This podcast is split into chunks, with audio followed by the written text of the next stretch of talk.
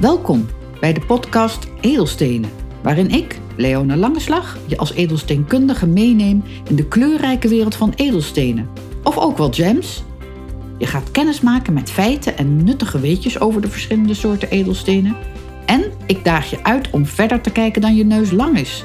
En vertel je graag over mijn belevenissen. Ook geef ik tips en tools die je kan gebruiken om instinkers of zelfs dure miskopen te voorkomen. Vertrouwen is goed, maar meten is weten. Leuk dat je luistert.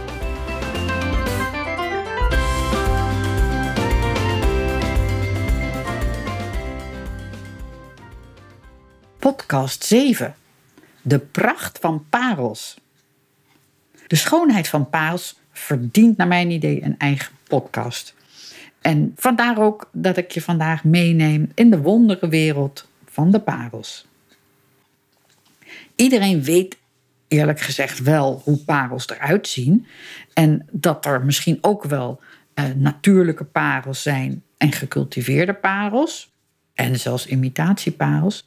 Maar het feit dat deze prachtige edelstenen uit levendige diertjes voortkomt, is toch wel iets unieks. En dat maakt naar mijn idee de parel extra bijzonder. In deze podcast vertel ik een stukje over de geschiedenis van de parel. Hoe ontstaat een parel nu precies? En daarbij komt een klein stukje biologie. Wat is een gecultiveerde parel? En wat kan ik vertellen over de trends op het gebied van de parelontwikkeling?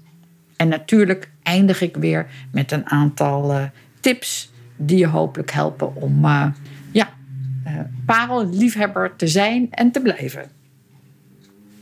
Parels zijn fascinerende edelstenen. En dat komt in de eerste plaats omdat ze eigenlijk geen stenen zijn. De e meeste edelstenen, weten we, komen van mineralen uit levensloze natuur.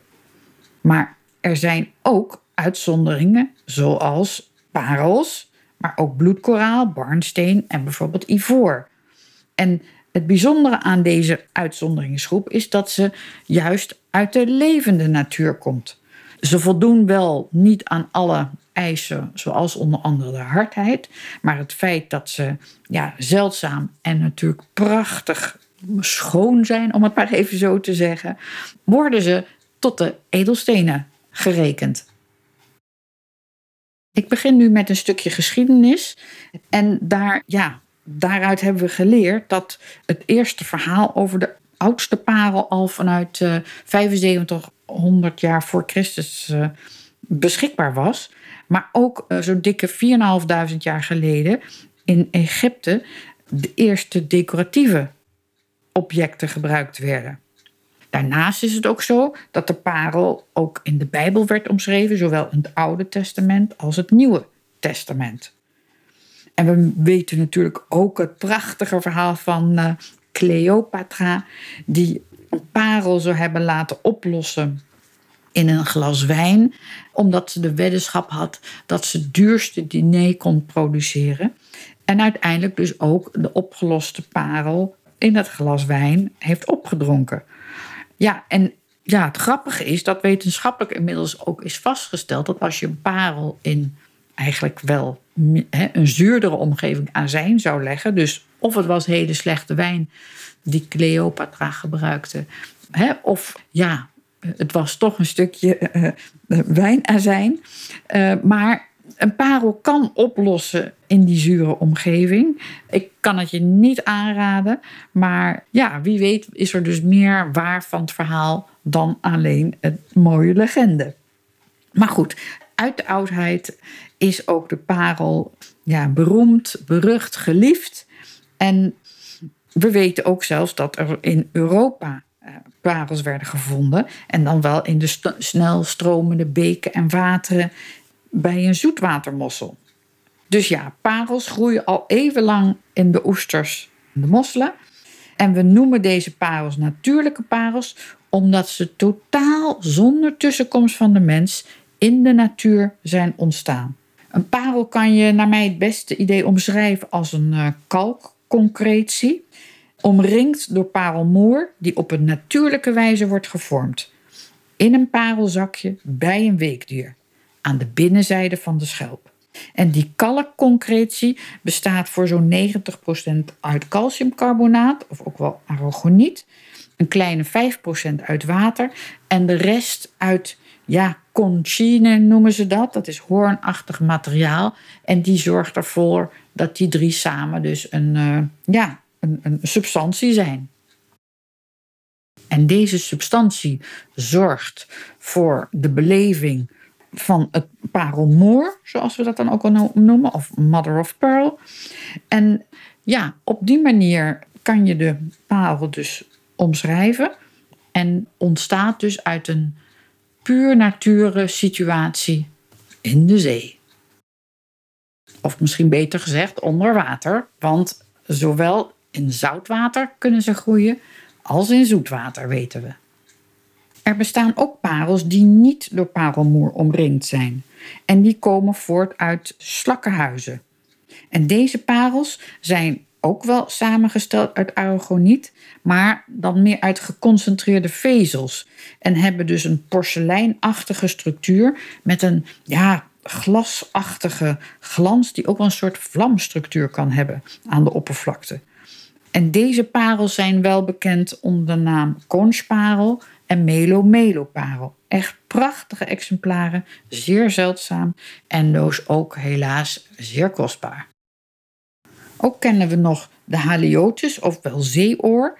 En die schelpvorm is bekend van de gaatjes die erin zitten. En aan de binnenkant van die schelpvorm zie je dus prachtige blauw-groenachtige parelmoerkleur. En ook die kan dus parels vormen.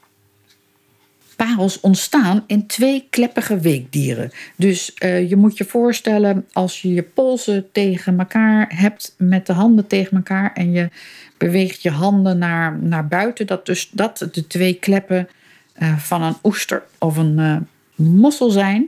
En die oester leeft dus met name in de tropische wateren met een lekkere temperatuur tussen de 25 en 30 graden. En parels, pareloesters, zitten vast met byssusdraden en die zitten vastgehecht aan de bodem. Dat noemen we ook wel de baard van de oester of de mossel. En pareloesters leven ongeveer tussen de 40 en 100 meter diepte. Dus ja, echt een, een uh, goed stuk uh, diep zee in. Wel grappig om te weten is dat ze geen kop hebben, maar wel een mond, maag en darmkanaal. Ze hebben ook een hart, maar geen bloedvaten en een primitief zenuwstelsel. De ademhaling van deze weekdieren gaat via de kieven. En met het zuurstofrijke zeewater nemen ze gelijk hun voedsel op. En je kan je dus voorstellen dat die, die kleppen open en dicht gaan. En daarmee wordt het, uh, het voedsel, planktonorganisme, uh, uit het zeewater gefiltreerd. Omdat die oesters vastzitten, gaat de voortplanting via eitjes en sperma. Die worden uitgestoten. En het, in het zeewater zoekt zoeken ze elkaar op en vindt de bevruchting plaats. Dit gaat redelijk makkelijk omdat oesters in eh, parelbanken bij elkaar leven. Dus ze hoeven daar niet hele grote afstanden voor af te leggen om elkaar te vinden. En om het verhaal dan compleet te maken, uit het bevruchte eicel groeit een larfje. En met behulp van de trilharen gaat dat larfje enkele weken rondzwemmen. En vervolgens ontstaat een schelp, schelpvorming en hierdoor wordt het larfje weer zwaarder en zakt naar de bodem om zich daar dan ergens aan vast te hechten.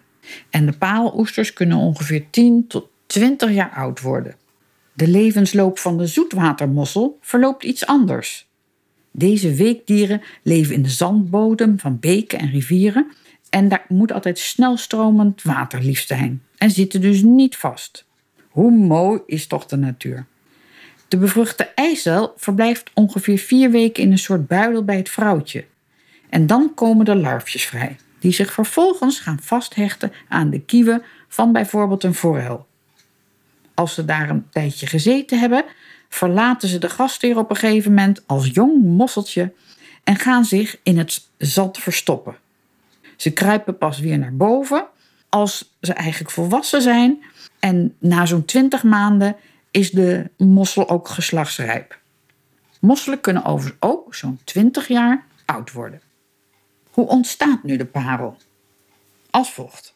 Wanneer een organisme, een minuscuul kleine parasiet, veel kleiner dan de zandkorrel, zich door de schelp van buiten naar binnen heen wurmt, nou, misschien kunnen we beter zeggen boort, zal de mantel, dat is het, het eerste gedeelte wat je tegenkomt binnen de klep van de, de oester, zal dat weekdier dus gewond raken.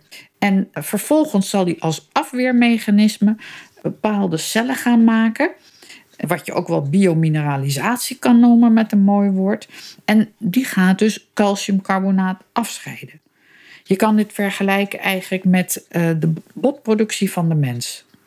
En op deze manier wordt er een kalklaagje om de indringer heen gevormd. En wel dakspansgewijs. En op die manier kan je je voorstellen dat er een laagje voor laagje over die indringer heen kan groeien. We hebben dan te maken met een blister. Dus om die te kunnen gebruiken, moet je die dus uit de schelp halen. En je kan niet meer de indringer terugvinden in de parel die dan gevormd is. En dat noemen we dan ook wel een blister. Ook kan het zo zijn dat er een parasiet of ander minuscule kleine indringer via de open kleppen mee naar binnen gaat. En dan zal de indringer daadwerkelijk via de mantel naar binnen dringen in het mantelweefsel. En het mantelweefsel, gelukkig, zal dit weer proberen te verhinderen als een soort uh, ja, tegenreactie, uh, als verdediging. En hierbij ontstaat dus ook weer dat eerder genoemde afscheiding van calciumcarbonaat, de biomineralisatie. En die indringer wordt opnieuw ingekapseld, zeg maar. En, vormt, en er vormt zich dan een soort parelzakje helemaal om de indringer heen. Aan de binnenkant van het parelzakje wordt dan parelmoer afgescheiden. En uh, dit gaat als een soort ja, uh, jas om die indringer heen zitten. En je kan het je ook voorstellen als een ui die ringen heeft, dus steeds groter wordt door een nieuwe ring van parelmoer. Hoe meer ringen van parelmoer, hoe dikker en hoe vaak ook beter de kwaliteit is van die parelmoer. Het parelzakje groeit dus ook mee met, met de parel zelf. En zodoende ontstaat er dus eigenlijk, ja, of kan er een mooie ronde vrije parel ontstaan. Hetgeen natuurlijk wel het einde van die parasiet of die minuscule kleine indringer is. Oké, dat is dus niet zo'n leuk verhaaltje voor die parasiet. Maar ja, we hebben ook wel hele mooie verhalen en mythen. Zoals Venus, die uit de schelp is geboren en haar tranen veranderden in parels. Of bij de Noorse mythologie die ons leert dat parels in zoetwatermosselen eigenlijk de gestolde dauwdruppels zijn. Nou ja, parelvissers voor de opkomst van de cultiveerparels hadden dus best een gevaarlijk en zwaar beroep, want ze moesten diep duiken zonder toen nog zuurstofapparatuur en dan eigenlijk binnen een minuut toch een aantal oesters naar boven zien te halen in een mandje. Eh, we hebben daar ook van geleerd dat slechts 1 op de 100 oesters zelfs een parel maar gaf. Dus het was echt een, een heel zwaar beroep. En dan wist je nog niet zeker of die ene parel mooi van kleur, vorm en grootte was. Sinds de ontwikkeling van gecultiveerde parels uit de vorige eeuw is er natuurlijk ontzettend veel veranderd in de parelvisserij. En ja, en dan nog even dit. De veel omschreven en genoemde zandkorreltheorie is dus echt een fabel. En is ook niet logisch, want zand is een dood materiaal. En op een of andere manier is er dus juist een, een, een levend wezen wat de oester of mossel aanvalt. En dat heb je bij zand, is niet de situatie. Al met al kunnen we dus een aantal verschillende parelvormen zien. Eh, de vrije parel is een parel die zich vormt in het schelpweefsel zonder contact met die schelp. En je kan dan ook zeggen dat ja, om de indringer heen, à la een, een ui, allerlei laagjes komen. En op die manier een mooie ronde parel kan vormen. Een blister is een uitstulping van een indringer hè, aan de, aan de, die van buiten naar de binnenkant van de schelp gaat. En als reactie dus ja, laagjes parelmoer worden gevormd. En wil je die gebruiken, moet je die dus uit de schaal snijden. Maar hij heeft uiteindelijk niet meer die, die indringer in zich, want, want die is in de schelp blijven zitten. Dan hebben we nog een blisterparel. En dat is wel een, een parel die zich in een later stadium aan de schelp heeft gehecht. Maar waar dus wel die indringer aanwezig is als kern. We noemen dit ook wel uh, Mabé-parels. En ze moeten dus uit de schelp worden gesneden. En die zijn dus ook uh, meer voor uh, ja, brosjes of oorbellen met een platte achterkant te gebruiken. Dan bestaan er nog de zaadparels, maar dat zijn echt minus, minuscule kleine pareltjes die je eigenlijk niet, niet kan rijgen. Die zijn daar veel te klein voor, maar wel ergens op een sieraad geplakt, hè, vastgemaakt kunnen worden. En dan hebben we nog cashy-parels. En dat is een term waarmee je eigenlijk uitdrukt dat dat een soort bijproduct is van het spontane kweekproces. Oké, dan komen we bij de gecultiveerde parel. Heel simpel gezegd is een gecultiveerde parel een gekweekte parel die ontstaat door tussenkomst van de mens. Toen men dus eenmaal wist hoe een parel zich vormde, of parelmoerlaag zich om iets heen vormde, is men natuurlijk gaan proberen om dat na te bootsen. En als zodanig wordt weefsel, oftewel een stukje van de mantel, in een oester of mossel uh, geplaatst, als een soort kern. En op die manier helpt de mens dus uh, het afweermechanisme van de oester of de mossel. En ja, komen er dus parels met uh, toedoen van de mens. Vanaf de 14e eeuw weten we dat de Chinezen ook al bezig waren met blisterparels.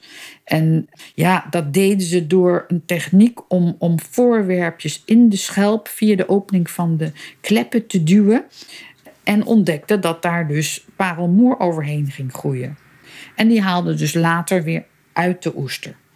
Ook later zijn er nog veel experimenten geweest om uh, gecultiveerde parels te kweken. Maar uiteindelijk is het Mikimoto geweest, die in begin jaren 20 van de vorige eeuw ja, een, een goede ontwikkeling heeft gedaan. En uiteindelijk heeft het ook nog wel een aantal jaren geduurd voordat het een hele industrie werd. En je kan denk ik zeggen dat dat uh, rond de 60er jaren was.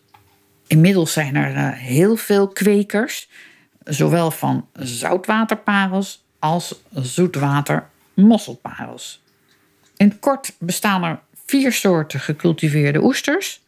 Oesterparels moet ik dan zeggen. Dat zijn de Arcoya, de Zuidzeeparel, de Tahiti en de Fiji-parels. Maar daarnaast komen er ook wel nieuwe parelsoorten, zoals bijvoorbeeld de Cortez-parels. En inmiddels zijn er ook zeker een soort merknamen voor zoetwater gecultiveerde parels. Bij zoutwaterparels is het zo dat er maar vaak één kern hè, per keer wordt geïmplementeerd, omdat dat tot het mooiste resultaat leidt. Uh, ook al zijn er natuurlijk ontwikkelingen om, om toch meerdere parels in oesters te, te laten groeien, maar dat is echt in ontwikkeling.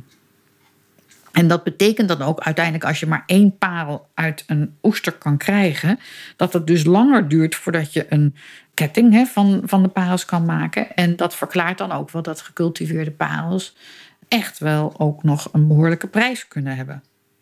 Bij de zoetwaterparels, bij de mosselen, die vlak bij de, de ingang van de kleppen bij de mantel worden geplaatst, kunnen soms wel 50 parels worden gecultiveerd. Maar je kan je daar ook voorstellen dat, dat daar dus minder ruimte is. Dus dat die gecultiveerde parels veel kleiner zijn. De kleur van de lip, dat is de rand aan de binnenkant van de schelp. Die bepaalt wat voor soort kleuren uit de oester kunnen komen of uit de mossel.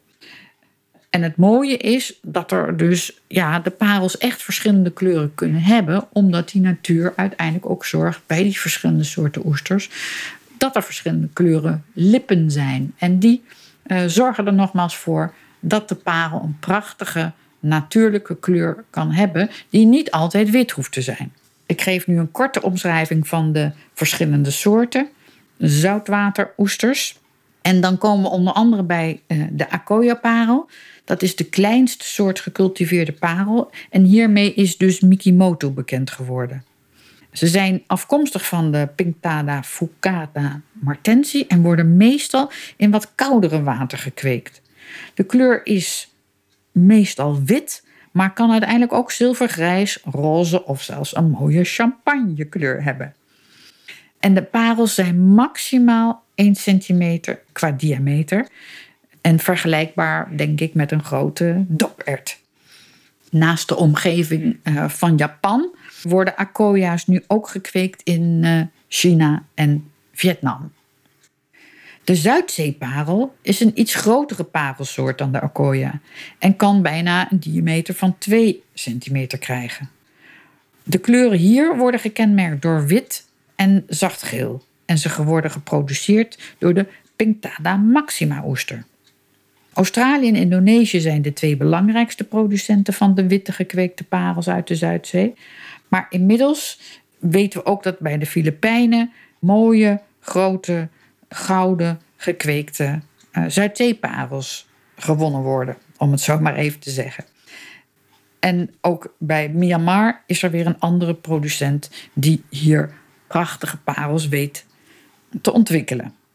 Het kleurverschil tussen de goud en de witte is weer te verklaren vanuit de lip en door de natuurlijke organische pigmenten die dus in die schelp aanwezig zijn.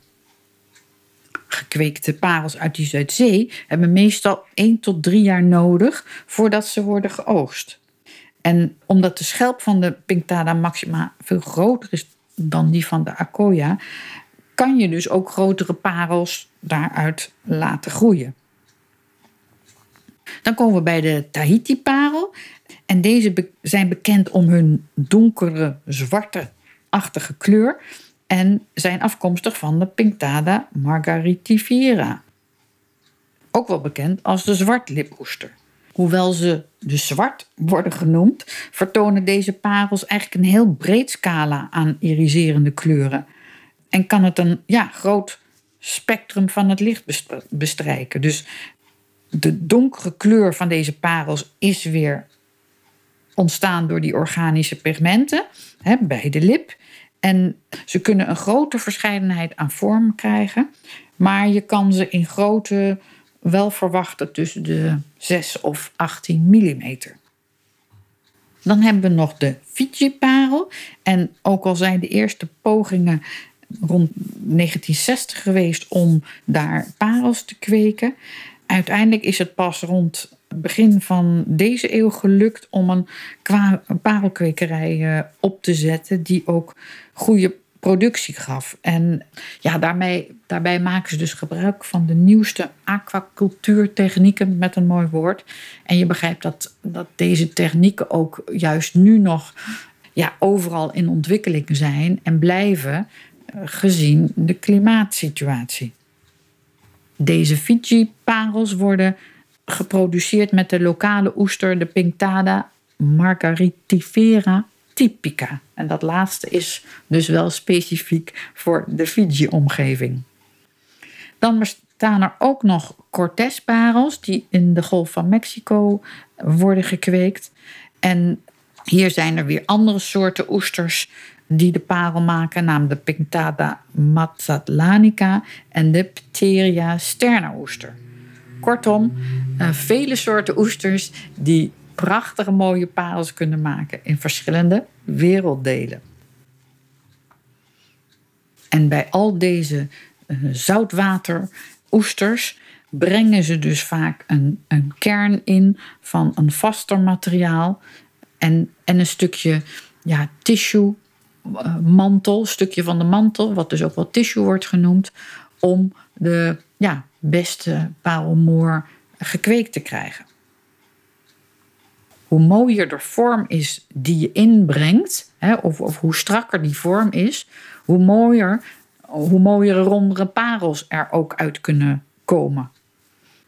En je kan dan ook grofweg zeggen dat je bij gecultiveerde parels makkelijker eenzelfde mooie soort parels bij elkaar kan vinden dan dat bij natuurlijke parels zo is. Dus daar krijg je ook alweer een uh, stuk uitleg over het verschil in prijs tussen natuurlijke parels en gecultiveerde parels. Als we naar de zoetwater gecultiveerde parels kijken, dan worden die dus gekweekt in mosselen, in de rivieren en meren en vijvers. En voor het eerst werd deze in eh, Japan gekweekt, maar daarna kwam natuurlijk de opkomst van China in de 60er jaren. En die hebben tot een enorme productie van uh, zoetwaterparels gezorgd. En ook echt de parelhandel in de laatste decennia enorm veranderd.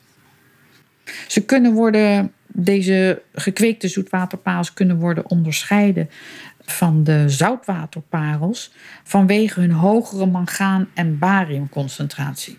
Maar goed, dat kunnen we aan de buitenkant natuurlijk niet zien. Daarvoor heb je echt eh, laboratoriumtesten nodig. Gekweekte zoetwaterparels worden meestal in de mantel gekweekt en dus niet dicht bij de geslachtsklieren zoals dat bij de oester gebeurt. En omdat die gekweekte parels zo dicht bij de mantel en, en de rand zitten, zijn dat ook vaak zachtere kernen, omdat je ook vaak de ruimte daar niet hebt. Daar waar de kleppen dus dicht op elkaar zit, is het, uh, ja, zit er niet zoveel ruimte gewoon. We weten inmiddels dat een mossel wel 50 gekweekte parels kan voortbrengen. En dat is natuurlijk een veel groter aantal dan één voor een zoutwater oesterparel.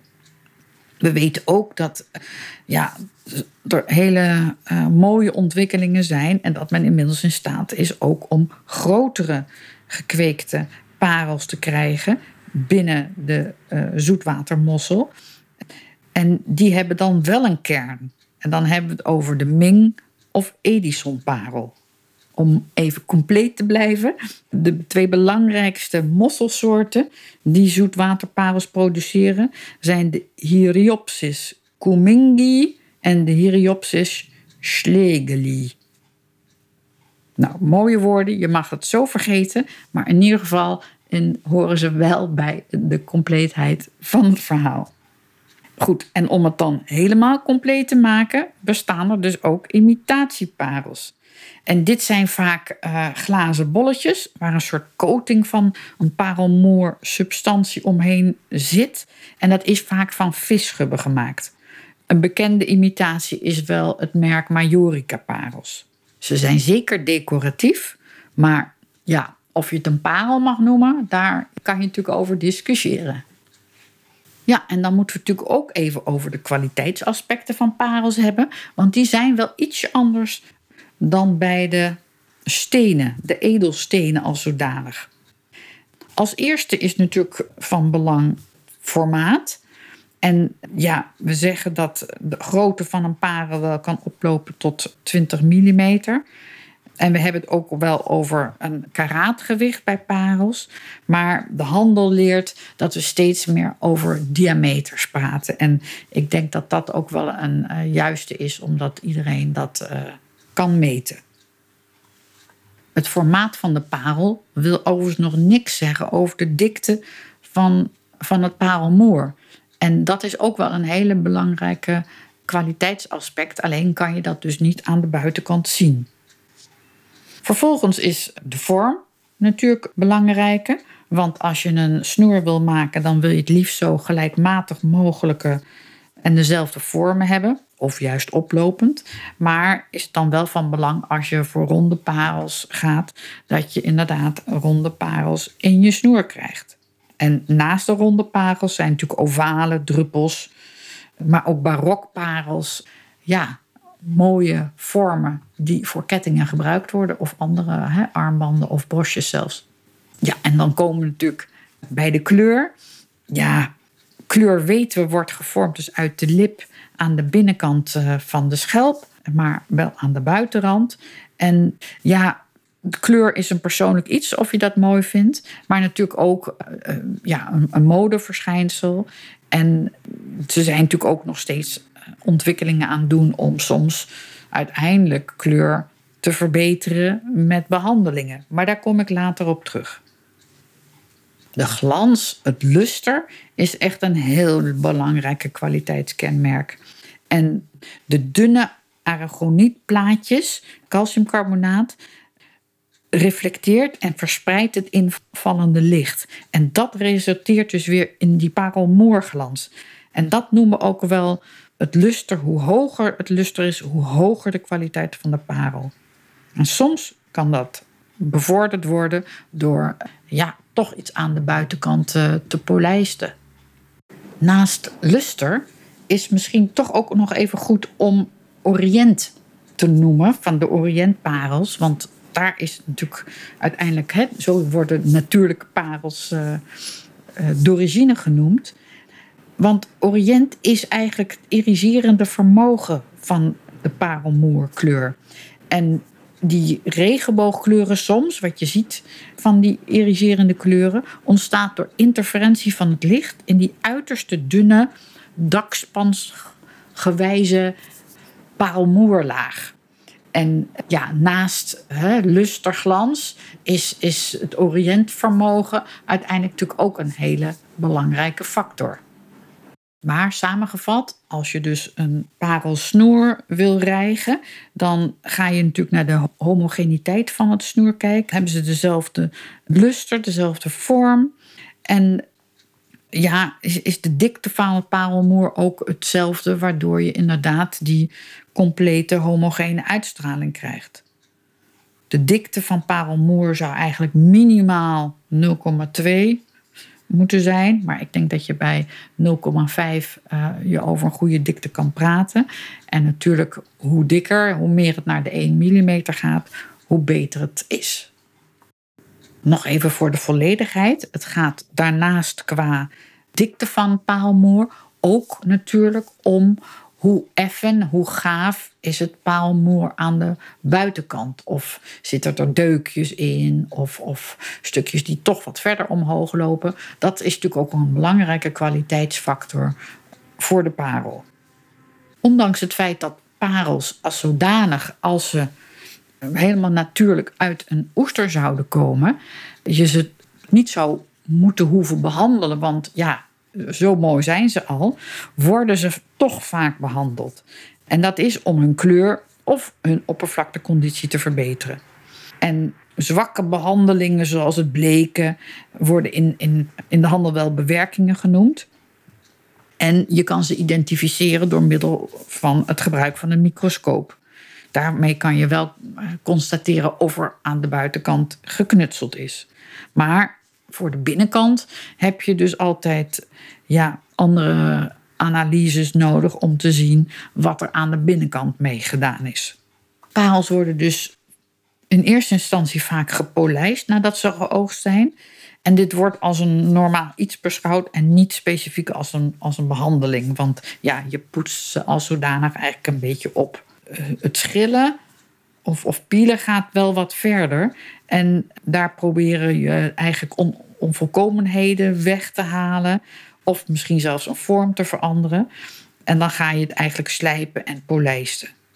Soms is dat pielen hè, ook eigenlijk echt nodig. Want dat is een techniek om het buitenste parelmoerlaagje, wat er misschien zelfs een beetje losjes is gehecht, om die te verwijderen. En zo eigenlijk een ongerepte laag parelmoer te onthullen en de parel mooier te maken. Ja, dus dit is best ook wel weer een uitgebreid verhaal over parels. En hoe weten we nu eigenlijk hoe je een natuurlijke parel van een gecultiveerde kan onderscheiden? Ja, en vaak moet ik dan als edelsteenkundige het antwoord toch wel schuldig blijven. Want ik kan eh, de parel of het parel, of parelsnoer wel aan de buitenkant beoordelen en met een microscoop bekijken.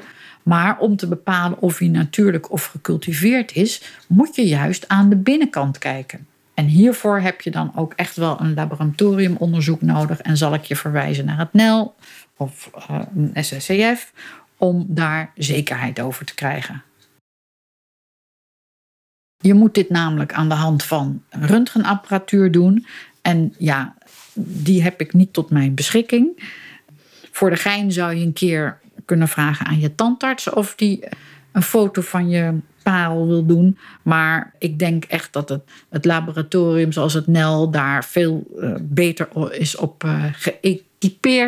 En je daar ook een mooi verslag van kan geven. Soms is het overigens best wel mogelijk als je een groot boorgat bij een paal hebt om daar verder naar binnen te kijken.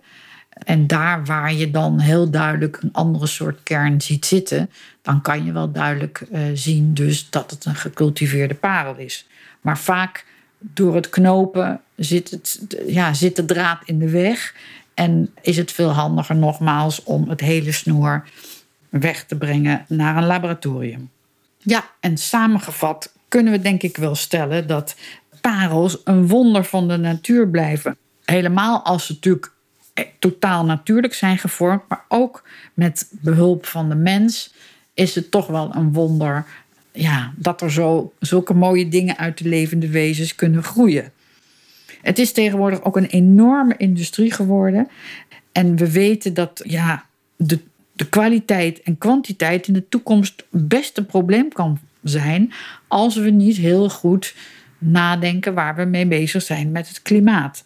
Maar gelukkig is het zo dat parelkwekers die daar ja, intensief mee bezig zijn, heel nadrukkelijk kijken op wat voor manier ze zowel de beesten als de mooiste parels kunnen creëren.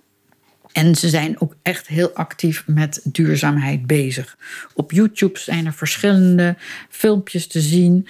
Ook bij de SIPJO zijn ze daar druk mee bezig om gewoon voor de toekomst een, een ja, het, het leven van de oesters en de mosselen te verbeteren, maar ook de kwaliteit van de parels te optimaliseren.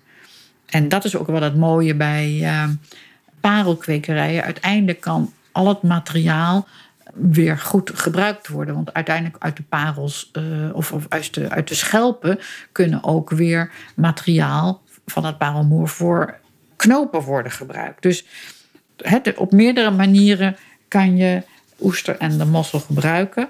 Maar wordt er ook echt naar gekeken hoe ze zo goed mogelijk en zo plezierig mogelijk uh, kunnen voortbestaan.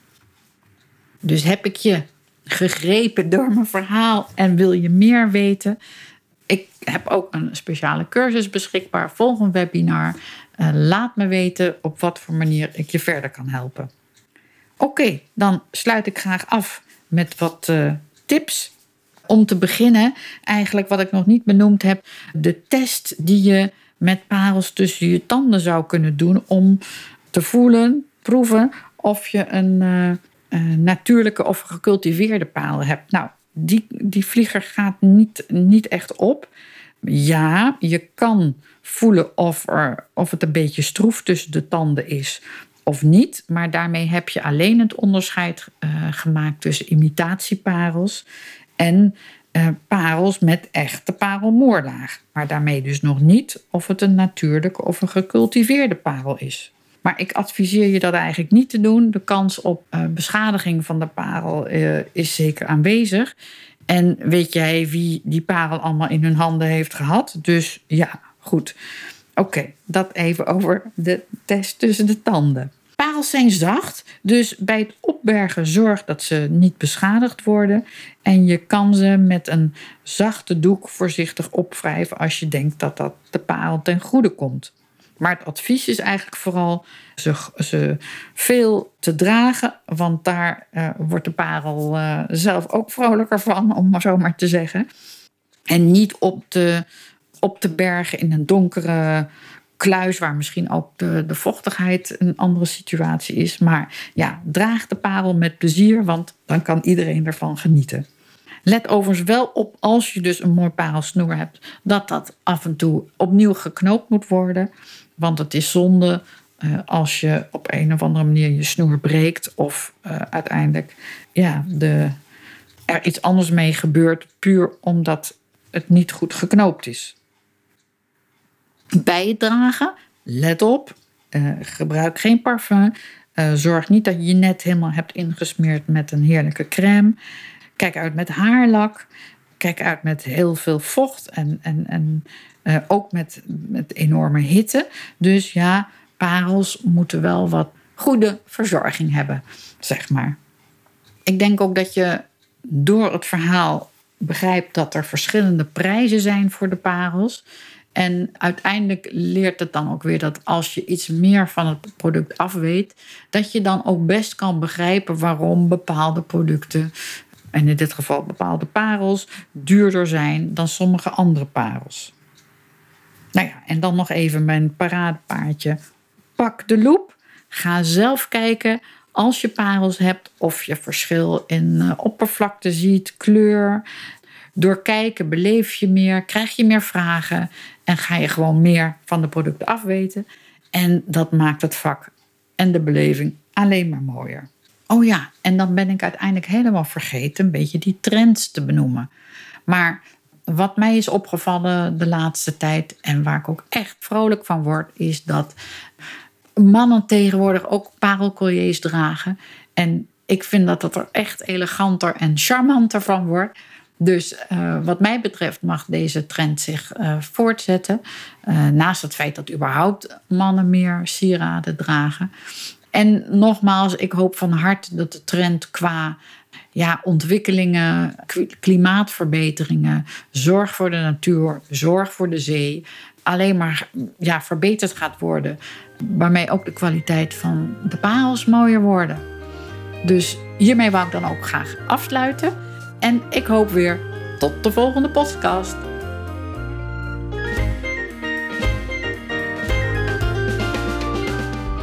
Wat goed dat je geluisterd hebt naar deze podcast.